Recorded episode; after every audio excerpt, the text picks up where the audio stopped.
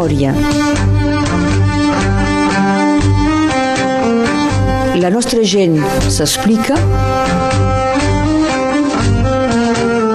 Berenguer Ballester.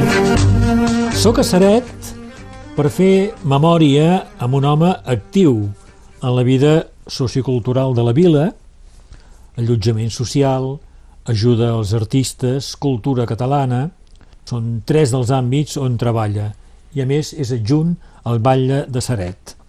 Martí Vilà Passola, bon dia Bon dia. i gràcies d'acollir-me a casa teua De res, home. i d'acceptar fer memòria. Sí, Estàs en un, eh, en un barri de Saret molt tranquil i agradable.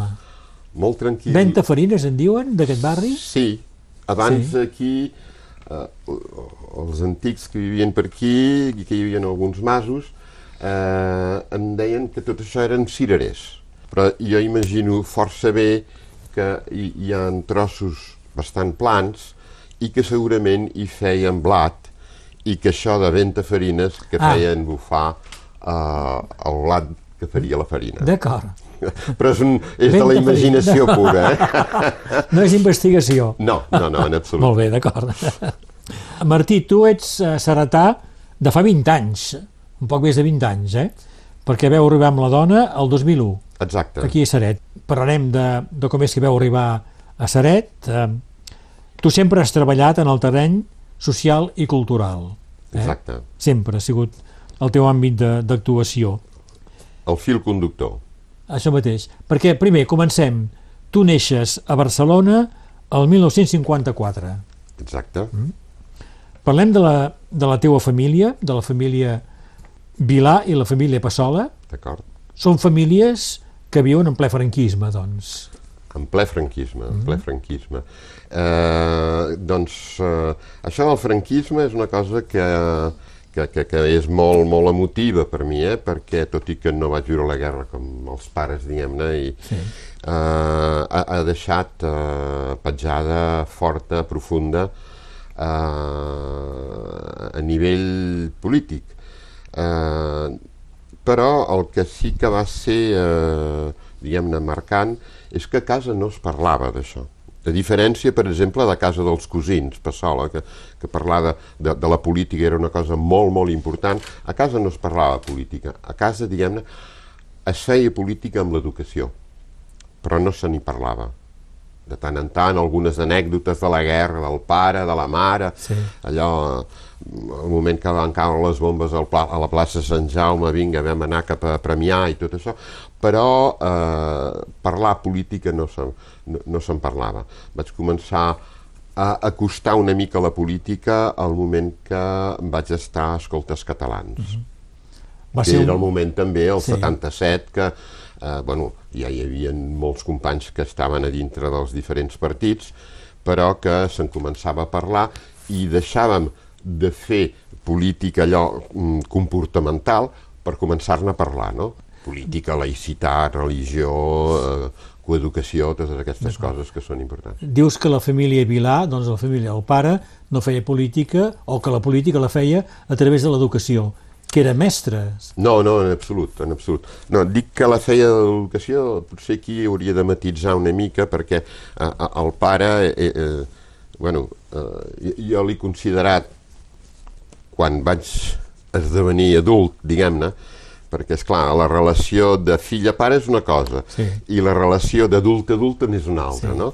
Aleshores, quan, quan, quan vaig eh, passar aquesta etapa, vaig descobrir que jo tenia un pare que era un poeta, no? I que s'interessava molt perquè pintava, havia fet obres de teatre, eh, fotografiava la lluna, els estels, eh, mil coses, 50.000 flors, i t'explicava moltíssimes coses, però era bastant asocial, si es pot dir, no? I aleshores doncs parlàvem molt poc. Jo, jo he treballat amb ell eh, al taller eh, de fundició durant vuit anys. Pensa que aquests vuit anys, si va haver-hi amb prou feines una hora de conversa, va ser tot el que va haver Sí, sí. era, jo anava amb ell Sí. I, i jo estava enamorat del que ell feia perquè, perquè tocava la matèria, la transformava i tot això, però de parlar parlava un poc amb el pare. Sí. En canvi la mare hi havia eh, una, una educació molt amb paraules, amb molta amb molt d'amor, que se'n diu, eh, clàssic, i que ens explicava tot el que podia la vida, no? com, com espavilants, i era ell el que ens deia, vinga, aneu als escoltes. No? El pare no, el pare agafava, un, un, un esperit de possessió sí. efectiva, però que, que no expressava. El, com t'ho diria, és molt complicat de dir això, vull dir, perquè eh, cada vegada que, que un dels germans se'n va anar de casa li sí. agafava una depressió collonant. El, el pare? Però, sí, sí, però era incapaç de dir parlem, sí, sí, sí, sí, què sí. vas a fer, que, com va la teva vida, totes aquestes coses. Sí, sí. Res, res. Sí, sí, Però ja ho entenc, sí, sí. notaves que, hòstia, Sí, sí, sí. què ha passat aquí? I la mare, família Passola, doncs. La mare és família Passola, sí, sí. Dos, Sí. dos, dos àmbits Sí. una mica diferents. El pare, diguem-ne, els, els, els, els avis i eren una mica camperols de, de, de, de Cervià, eh, al nord de Tarragona o al sud de Lleida, no, no Sí. sé exactament. I, i l'àvia també, eh, de la banda del pare. En canvi, els Passola ja eren més, diguem-ne, eh, situa, eh, barcelonins. Sí, eh? sí, sí. Barcelonins de Mataró, perquè hi havia un notari de Mataró, també. La família Passola ha estat una família molt important per les iniciatives que sobretot eh, va tenir l'Armengol Passola, doncs el teu oncle, Exacte. eh? el germà de la teva mare. Armengol Passola va ser un promotor d'iniciatives molt importants, però molt importants en aquell temps, per la cultura catalana. Eren els anys foscos eh, de la dictadura franquista. Va intervenir molt en la creació de la nova cançó catalana. Va crear la discogràfica Concèntric, que editava els cantants catalans. Va crear també, amb d'altres, la llibreria Ona, el local La Cova del Drac, és a dir que va ser, va ser molt important. Tot això ho vas viure tu amb ell? Directament no, Directe- In, indirectament, Sí. molt, molt indirectament, però bé, nosaltres beneficiàvem una mica de, de tot el, el que ell feia, perquè, per exemple, el germà gran eh, anava molt a la cova del Drac, perquè Ah. hi, hi, hi havia molta activitat, diguem-ne... Aquí es feien espectacles i concerts de cançó. Sí, jo hi anava també el diumenge a les 11, no? perquè Sí. també feien activitats Sí. i, i, i ho veia de, de retruc una mica, no? però sí, sí, ho vaig viure, eh, va ser important, va ser important, però no directament, de retruc. I de Passola hi ha també la Isona Passola, la teva cosina, Exacte. a que també és una figura de la cultura catalana, ella en el cinema sobretot, no? Del cinema, exacte, però bé, ara, no sé si ho saps, però és la presidenta de l'Ateneu de, De Barcelona, eh? sí, doncs, sí, o sigui sí. que continua dins, Sí, sí. di- dins de l'àmbit de la cultura. I ha estat també presidenta de l'Acadèmia del Cinema Català. Sí. Eh? A més a més que és productora, directora, guionista... Exacte. I puc dir també doncs, que ha sigut una persona, eh, a part de que és la meva cosina i que m'estimo molt, molt important perquè eh, quan va arribar, quan vaig ser escollit aquí a Seret, doncs una de les primeres coses que vaig fer, vaig dir, mira, el cinema català jo no el veig aquí a Seret, a Catalunya Nord, tot i que sé que n'hi Sí. havia hagut, eh? Eh, però ara no veia res, i dic, mira, aquí a Seret ha d'haver-hi cinema català, perquè el cinema de Seret té tota una història amb els catalans, eh? perquè els ha acollit els anys foscos que es deia, que deies tu, eh, venien molts, molts catalans aquí a Seret, a Perpinyà, a veure les, les pel·lícules que no podien veure a Barcelona.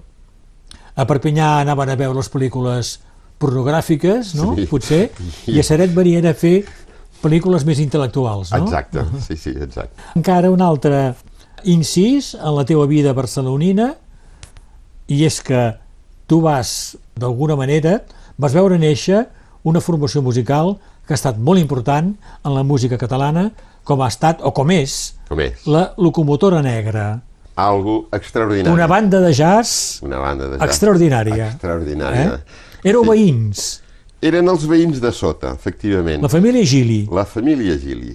En Ricard, en Carles, en Toni i la Núria. D'acord. I era fabulós, perquè cada dissabte a la tarda doncs, teníem un, un concert, perquè eh, feia els assajos. Clar. Els assajos. Sí, sí. I era fabulós. I, evidentment, doncs, vam anar seguint una mica al principi... Eh, bueno, al principi, sempre. Sí. Eh, feia, feien concerts i cada vegada omplien sales, però Sí. d'una manera extraordinària, i s'han fet famosos arreu del món Sí, sí, sí. arreu del món i han tingut formacions de 25 i 30 persones, jo els he vist a l'escenari, eh? Vull dir, Sí, sí. algú... eh, no, no, conseqüent, molt conseqüent. Deu, deu ser una de les formacions musicals més antigues de la música catalana, Crec probablement, sí, eh? crec que sí, crec sí, sí, que sí. perquè continuen actius Continuen encara. actius, sí, sí. Eh?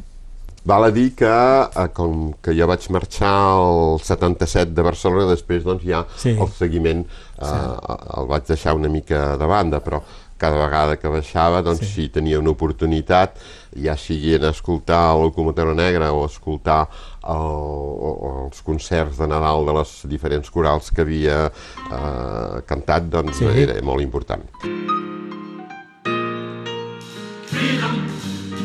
Avui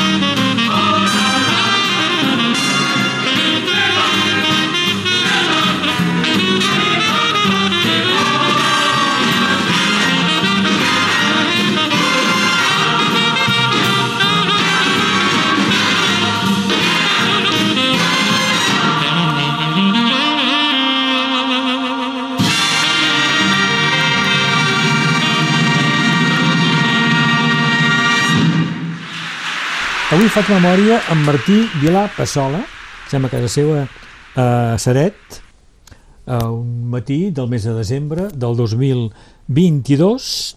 Martí, eh, ja hem dit que tu vas néixer a Barcelona l'any 54, ja hem parlat de les teves famílies, família Vilà i família Passola, i al 77, doncs tens eh, 23 anys, te'n vas a França.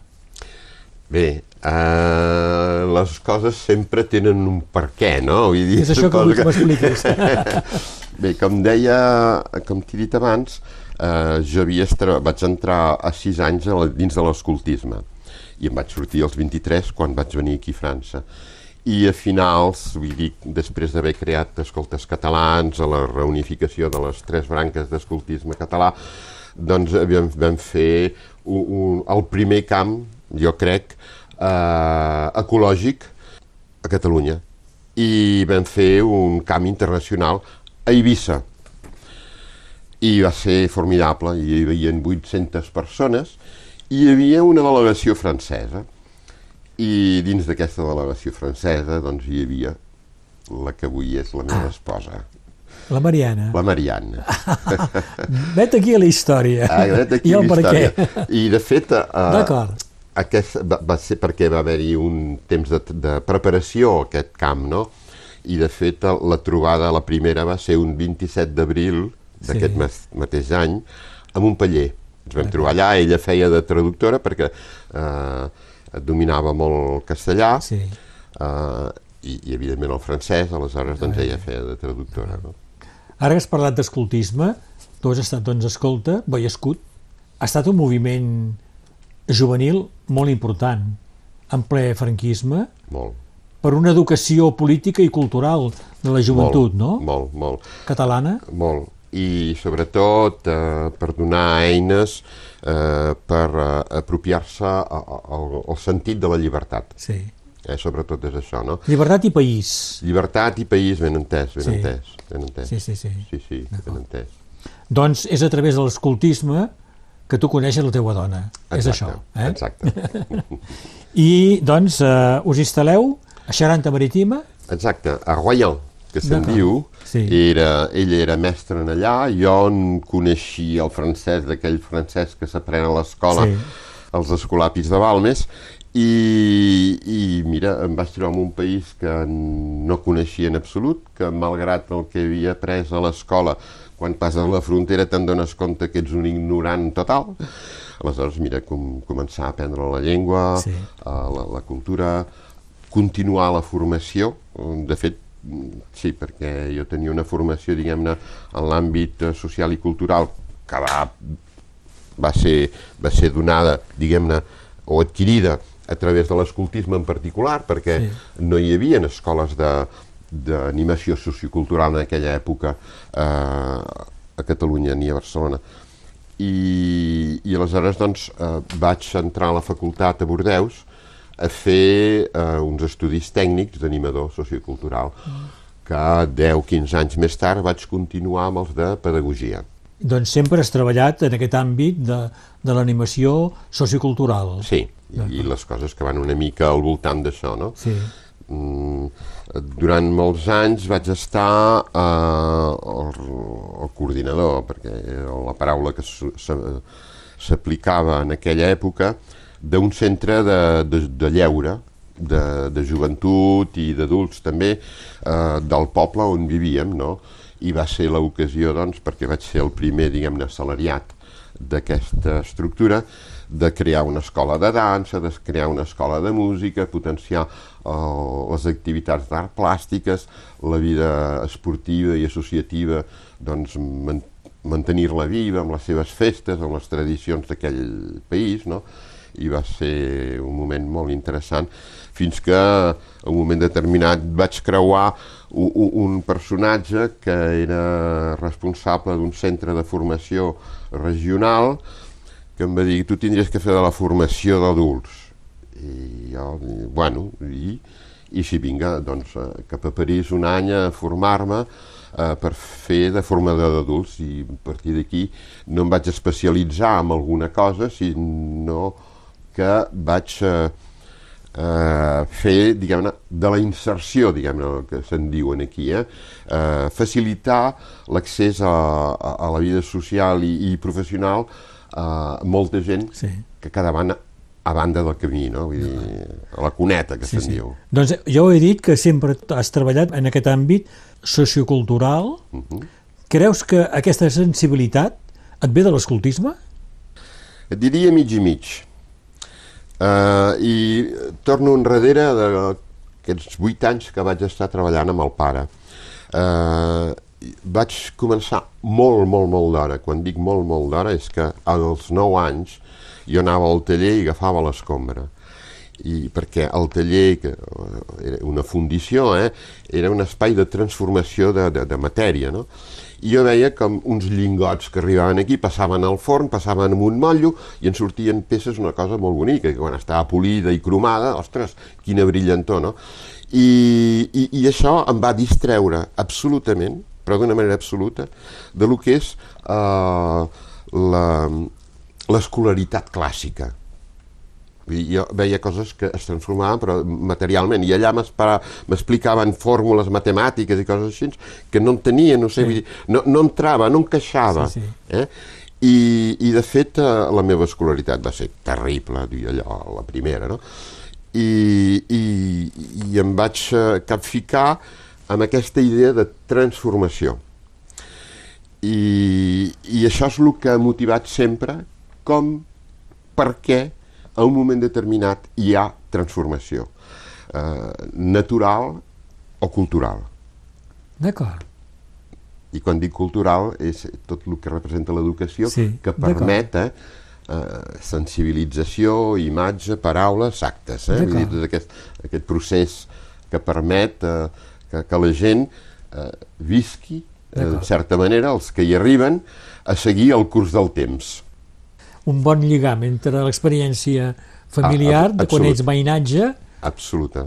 Amb després la teva vida professional. Sí, sí, sempre ha sigut una cosa que he tingut molt, molt clara. d'acord.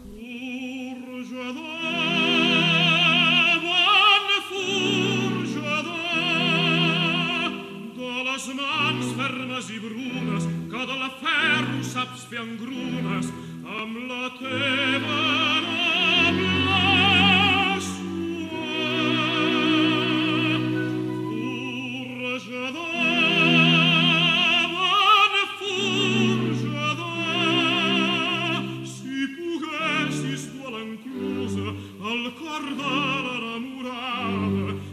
quina feina més aimada. El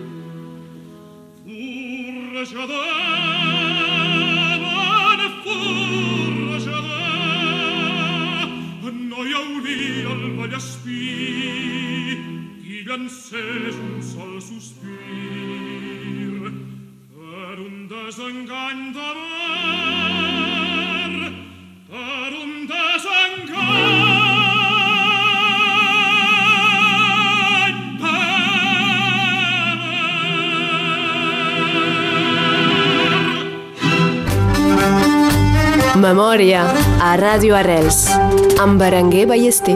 Martí Vilà Passola, t'hi passes 23 anys a Xaranta Marítima, doncs treballant eh, en l'animació sociocultural. I formant, eh? Vull dir, I sí, d'aquella època que, Sí. que, que anava des de, des de Roiana a Bordeus Sí. cada setmana eh, durant bastants anys per, per, per fer pedagogia. Vull dir, Sí. els estudis d'animació ja els havia acabat, però a la segona època, diguem-ne, vaig... Eh, Mm.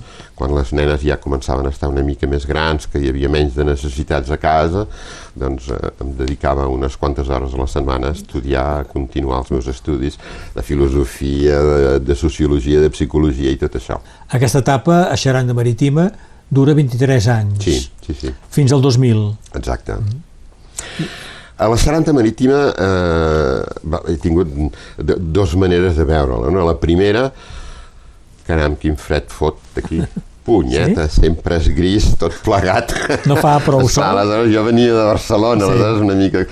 I, i al, al cap dels anys eh, eh, vaig acabar per apreciar molt, molt el que era el paisatge, unes temperatures a uns moments determinats força dolces, una lluminositat completament diferent de la nostra, eh, una tot era pla per allà, no hi, no hi ha muntanyes, no? però tenia el seu encant, no? I a més a més estàvem al costat de l'illa d'Oleron, que teníem els sogres, i que anàvem a veure... Doncs e- era força agradable, malgrat tot, malgrat tot. Eh, aquesta cosa que m'està enlluernant, que se'n diu sol, em feia falta, no? I aleshores doncs, vam, vam acordar venir cap aquí i ara ja pots dir a la meva dona tornem cap amunt? No. no. S'hi troba bé ella. Oh, molt bé, eh? molt bé. I xarantesa ella. Ella és xarantesa, sí, sí, sí, sí. Saret, doncs, Sí, va seré. ser Va, va ser l'oportunitat de que, bueno, ell era funcionari ja d'estat a nivell de l'educació nacional i quan vols demanar un canvi de, de lloc de, de treball, doncs eh, et passes, en, bueno, fas la demanda, estàs en una llista i després, en funció d'una sèrie de, de, de, de criteris, eh, de, fan una puntuació, diguem-ne, administrativa, sí, no? Sí, sí. I es va trobar que va ser la primera, la primera amb més punts i va caure Seret. Volíeu, doncs, aquesta zona, no? Sí, aquesta zona, de tota manera, eh, al cap de 3-4 anys ja, va començar, ja vaig començar a ruminar eh, quan tornaré, Ah. qual, eh, a quin lloc, com, com per trobar un equilibri Sí. en el que havíem construït eh, amb l'esposa, amb la Marianne, perquè, bueno, perquè sempre tinc un, un cop d'ull per l'altre, no? Vull Sí. dir, jo sóc egoista com tots, però vull dir, no, estoc, no estic sol Sí, sí. I, i si faig una vida amb ella, doncs ella té que eh, estar d'acord, com a mínim. Evidentment. Donar, fotre la cullerada, que se'n diu, eh? La Mariana, la teua dona, doncs, ha estat mestra, Sí, va ser mestre durant un temps a l'escola de Saret sí, i després va passar a l'IUFM de Perpinyà. sí. Eh? Aquí en diuen, professora. més que mestre, eh, que és la primària, aquí en diuen professor. Eh? D'acord, sí.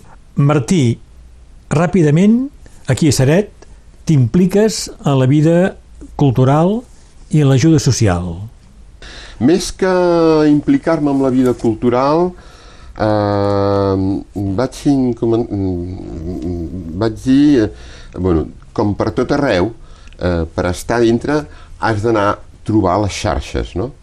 I aleshores, bueno, vaig trobar de seguida la xarxa professional a, a, amb, el, amb el centre de formació, el Greta, aquí, que em donava doncs, feina per, per acompanyar aquestes persones a, a tornar al món del treball, i després també vaig trobar, eh, bueno, em vaig eh, reapuntar al Partit Socialista perquè eh, jo ja hi era des del 96 i vaig entrar dintre del Partit Socialista i de fet, mica en mica vaig anar coneixent eh, la vida la vida, diguem-ne, social i, i política, no?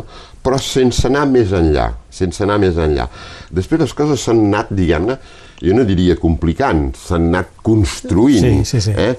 però e- entre una cosa i una altra, doncs, eh, he estat sol·licitat doncs, eh, per, per fer eh, bastantes coses de la vida, diguem-ne, social eh, i cultural, però la cultura ha vingut molt més, molt més, des de que, sí, des de que sóc a l'Ajuntament.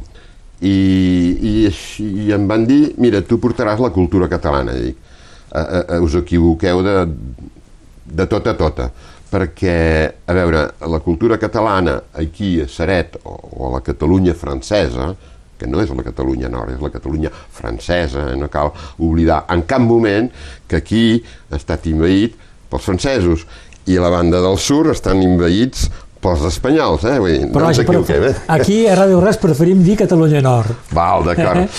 Entendre'ns. ho entenc, ho entenc. És una cultura molt particular, molt específica, que ha viscut una transformació que jo no he conegut. No he anat, no he nascut aquí a Sareta. I, i, i la transformació de la cultura, diguem-ne, clàssica catalana, de tradicions, de festes populars, de la Catalunya a la Catalunya Nord, mm, hi ha molta diferència i jo no sabré portar aquesta diferència. Mica en mica m'hi he trobat de ple, eh? Sí. perquè com a conseller de la cultura catalana doncs m'he posat en contacte molt més eh, directament a, a, amb el foment de la sardana, a, a, a, amb la gent que fa teatre català, bueno, les Sí. escoles de català, tota aquesta gent que diu que ten, posen la paraula català Sí. en la seva associació, però no hi ha ningú que parli el català, vull dir, és, és una mica curiós, no? Però vull dir, és molt important el poder dir que són catalans.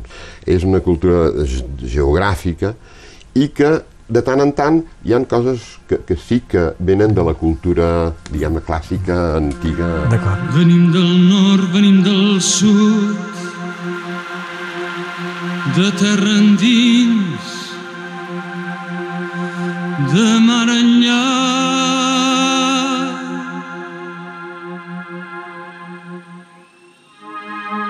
I no ens mena cap bandera que no es digui llibertat, la llibertat de vida plena, que és llibertat dels meus companys, que és llibertat dels meus companys. I volem ser per caminar i caminar per poder ser.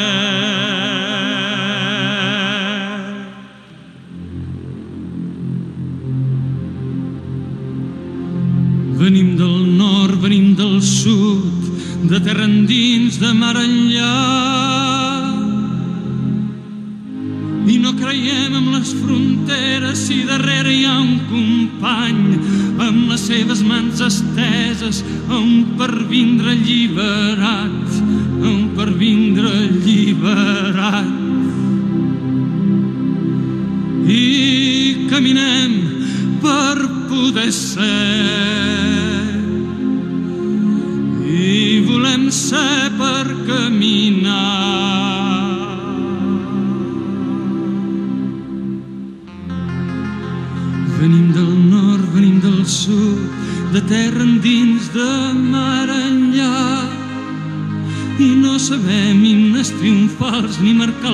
del vencedor, que si la lluita és sagnant serà amb vergonya de la sang. I caminem per poder ser, i volem ser per caminar. Venim del nord, venim del sud, de terra endins, de mar enllà. Seran inútils les cadenes d'un poder sempre esclavitzant quan és la vida mateixa que ens obliga cada pas. I caminem per poder ser i volem ser per caminar.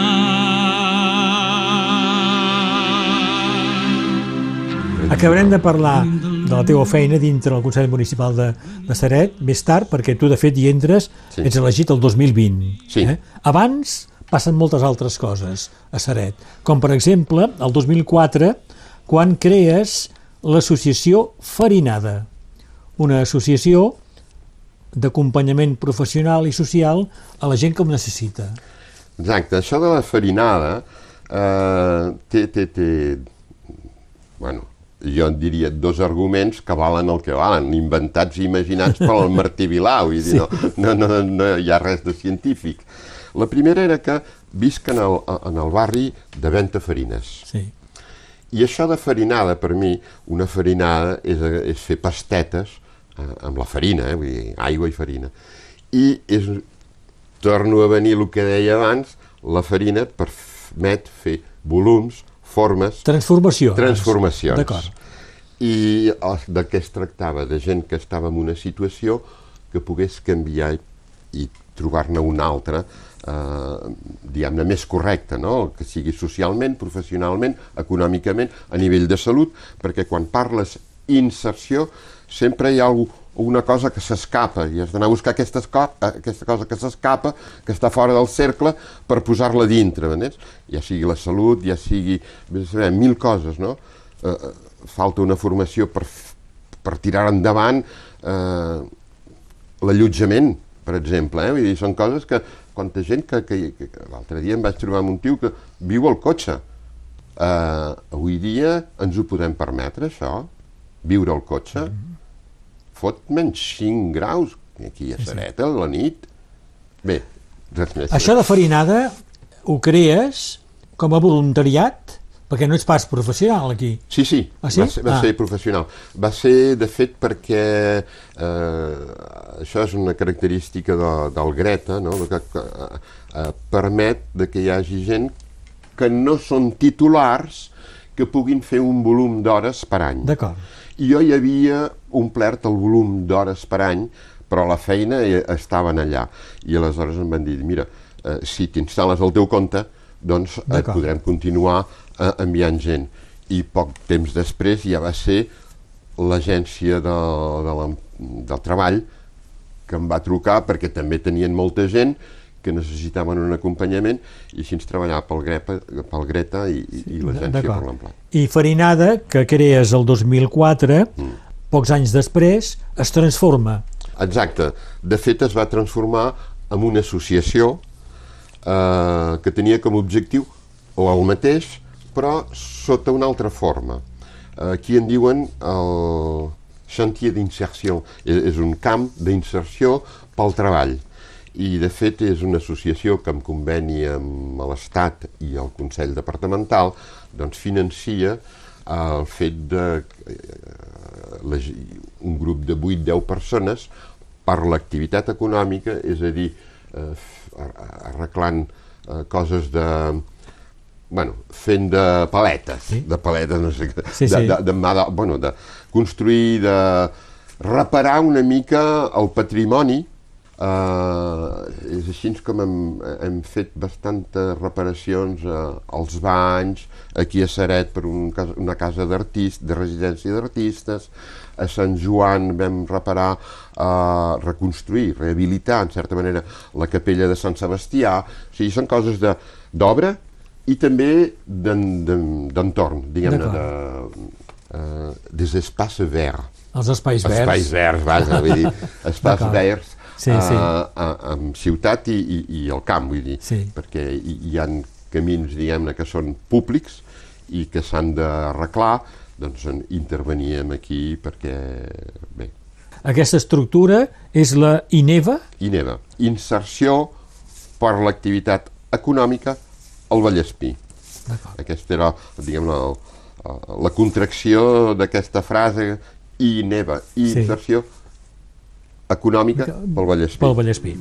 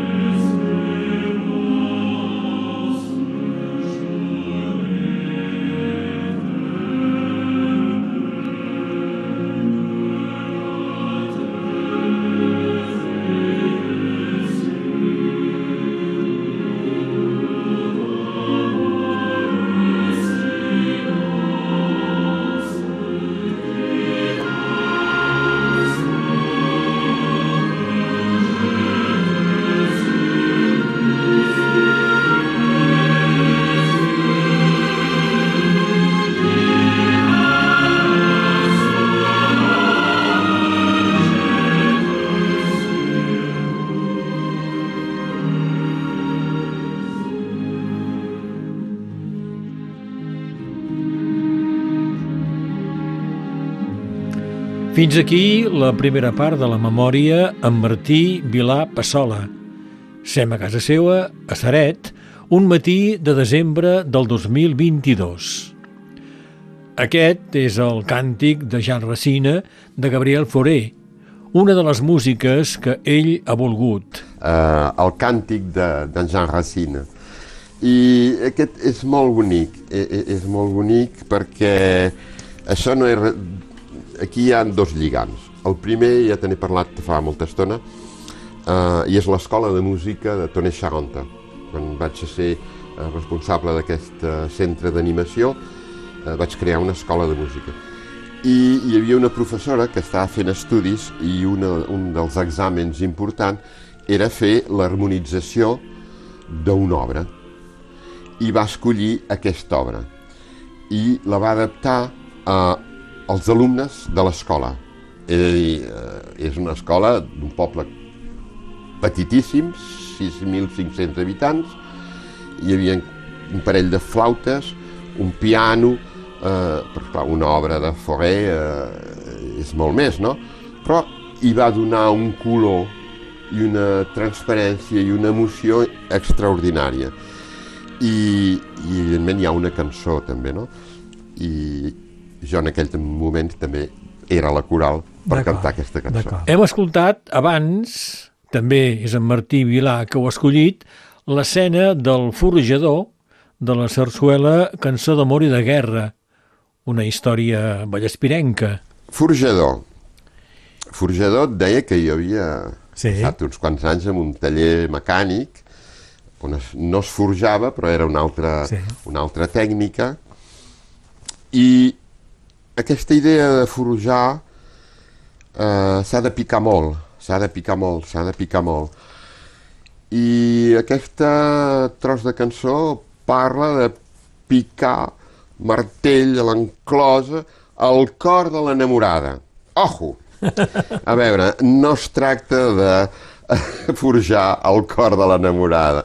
Eh, Es tracta, perquè és molt efectiu això, però sobretot, mm, bueno, forjar perquè, per transformar, de fet, eh? però sobretot posar-se el mirall davant, transformar-se a si mateix. Cal picar pedra i donar cops de mall a, a, a, on, a la pedra, no? Per forjar el, el que cadascú vol ser, transformar-se.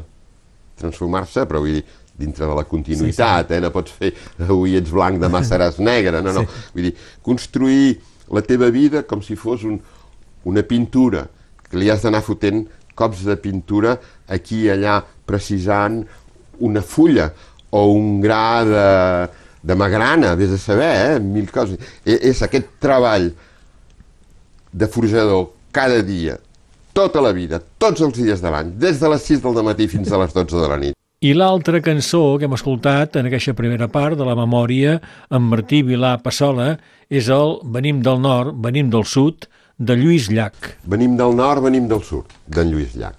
No hi ha frontera eh, que no es digui llibertat, perquè és molt important. Vull dir, aquí tenim una situació que hi ha una frontera administrativa que, bé, és la història, eh? però aquesta frontera administrativa que avui encara estan posant pedrots en eh, un camí transfronterer perquè la gent no pugui anar d'una banda a l'altra és una cosa molt grossa. És una cosa molt grossa. Sí, sí, sí. Eh, això no pot ser.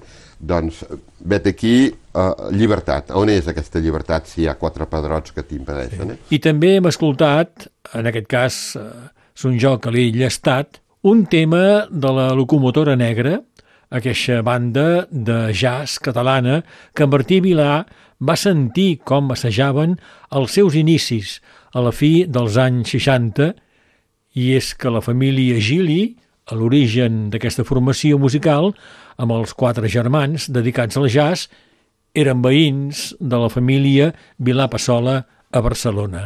Eren els veïns de sota, efectivament, la família Gili. En Ricard, en Carles, en Toni i la Núria. I era fabulós, perquè cada dissabte a la tarda doncs, teníem un, un concert, perquè eh, feia els assajos. Clar. Els assajos. Sí, sí. I era fabulós. I, evidentment, doncs, vam anar seguint una mica al principi... Eh, bueno, al principi, sempre. Sí. Eh, Feia, feien concerts i cada vegada omplien sales, però Sí. d'una manera extraordinària, i s'han fet famosos arreu del món Sí, sí, sí. arreu del món. I han tingut formacions de 25 i 30 persones, jo els he vist a l'escenari, eh? Vull dir, Sí, sí. algú, no, no, conseqüent, molt conseqüent. Deu ser una de les formacions musicals més antigues de la música catalana, Crec probablement, sí, eh? crec que sí, crec sí, sí, que sí. perquè continuen actius Continuen encara. actius, sí, sí. Eh? Fins aquí, doncs, la primera part de la memòria amb Martí Vilapassola. Encara queden coses per explicar. El seu voluntariat a la Federació Departamental per l'Allotjament Social, que impulsa la construcció d'allotjaments socials i acompanya la gent que els necessita. En va ser, durant anys, el president. La seva implicació amb l'associació Arts 66, que ajuda els artistes acompanyant-los en el terreny professional. N'ha estat el delegat a Saret i ara n'és el tresorer. El 2020 és elegit a l'Ajuntament de Saret, és adjunt del Batlle, encarregat de catalanitat, i encara hem de parlar de cinema català, perquè el 2021 va crear a Saret la xarxa d'estudis per la cultura catalana que sobretot difon el cinema català. No cal descuidar que la seva cosina, Isona Passola, és productora i directora de cinema i ha estat la presidenta de l'Acadèmia del Cinema Català. Ara, l'Isona Passola és la presidenta de l'Ateneu Barcelonès. Tot això, doncs, serà a la segona part de la memòria amb Martí Vilà Passola, que podreu escoltar demà a aquesta mateixa hora. Memòria. La nostra gent s'explica. Berenguer Ballester.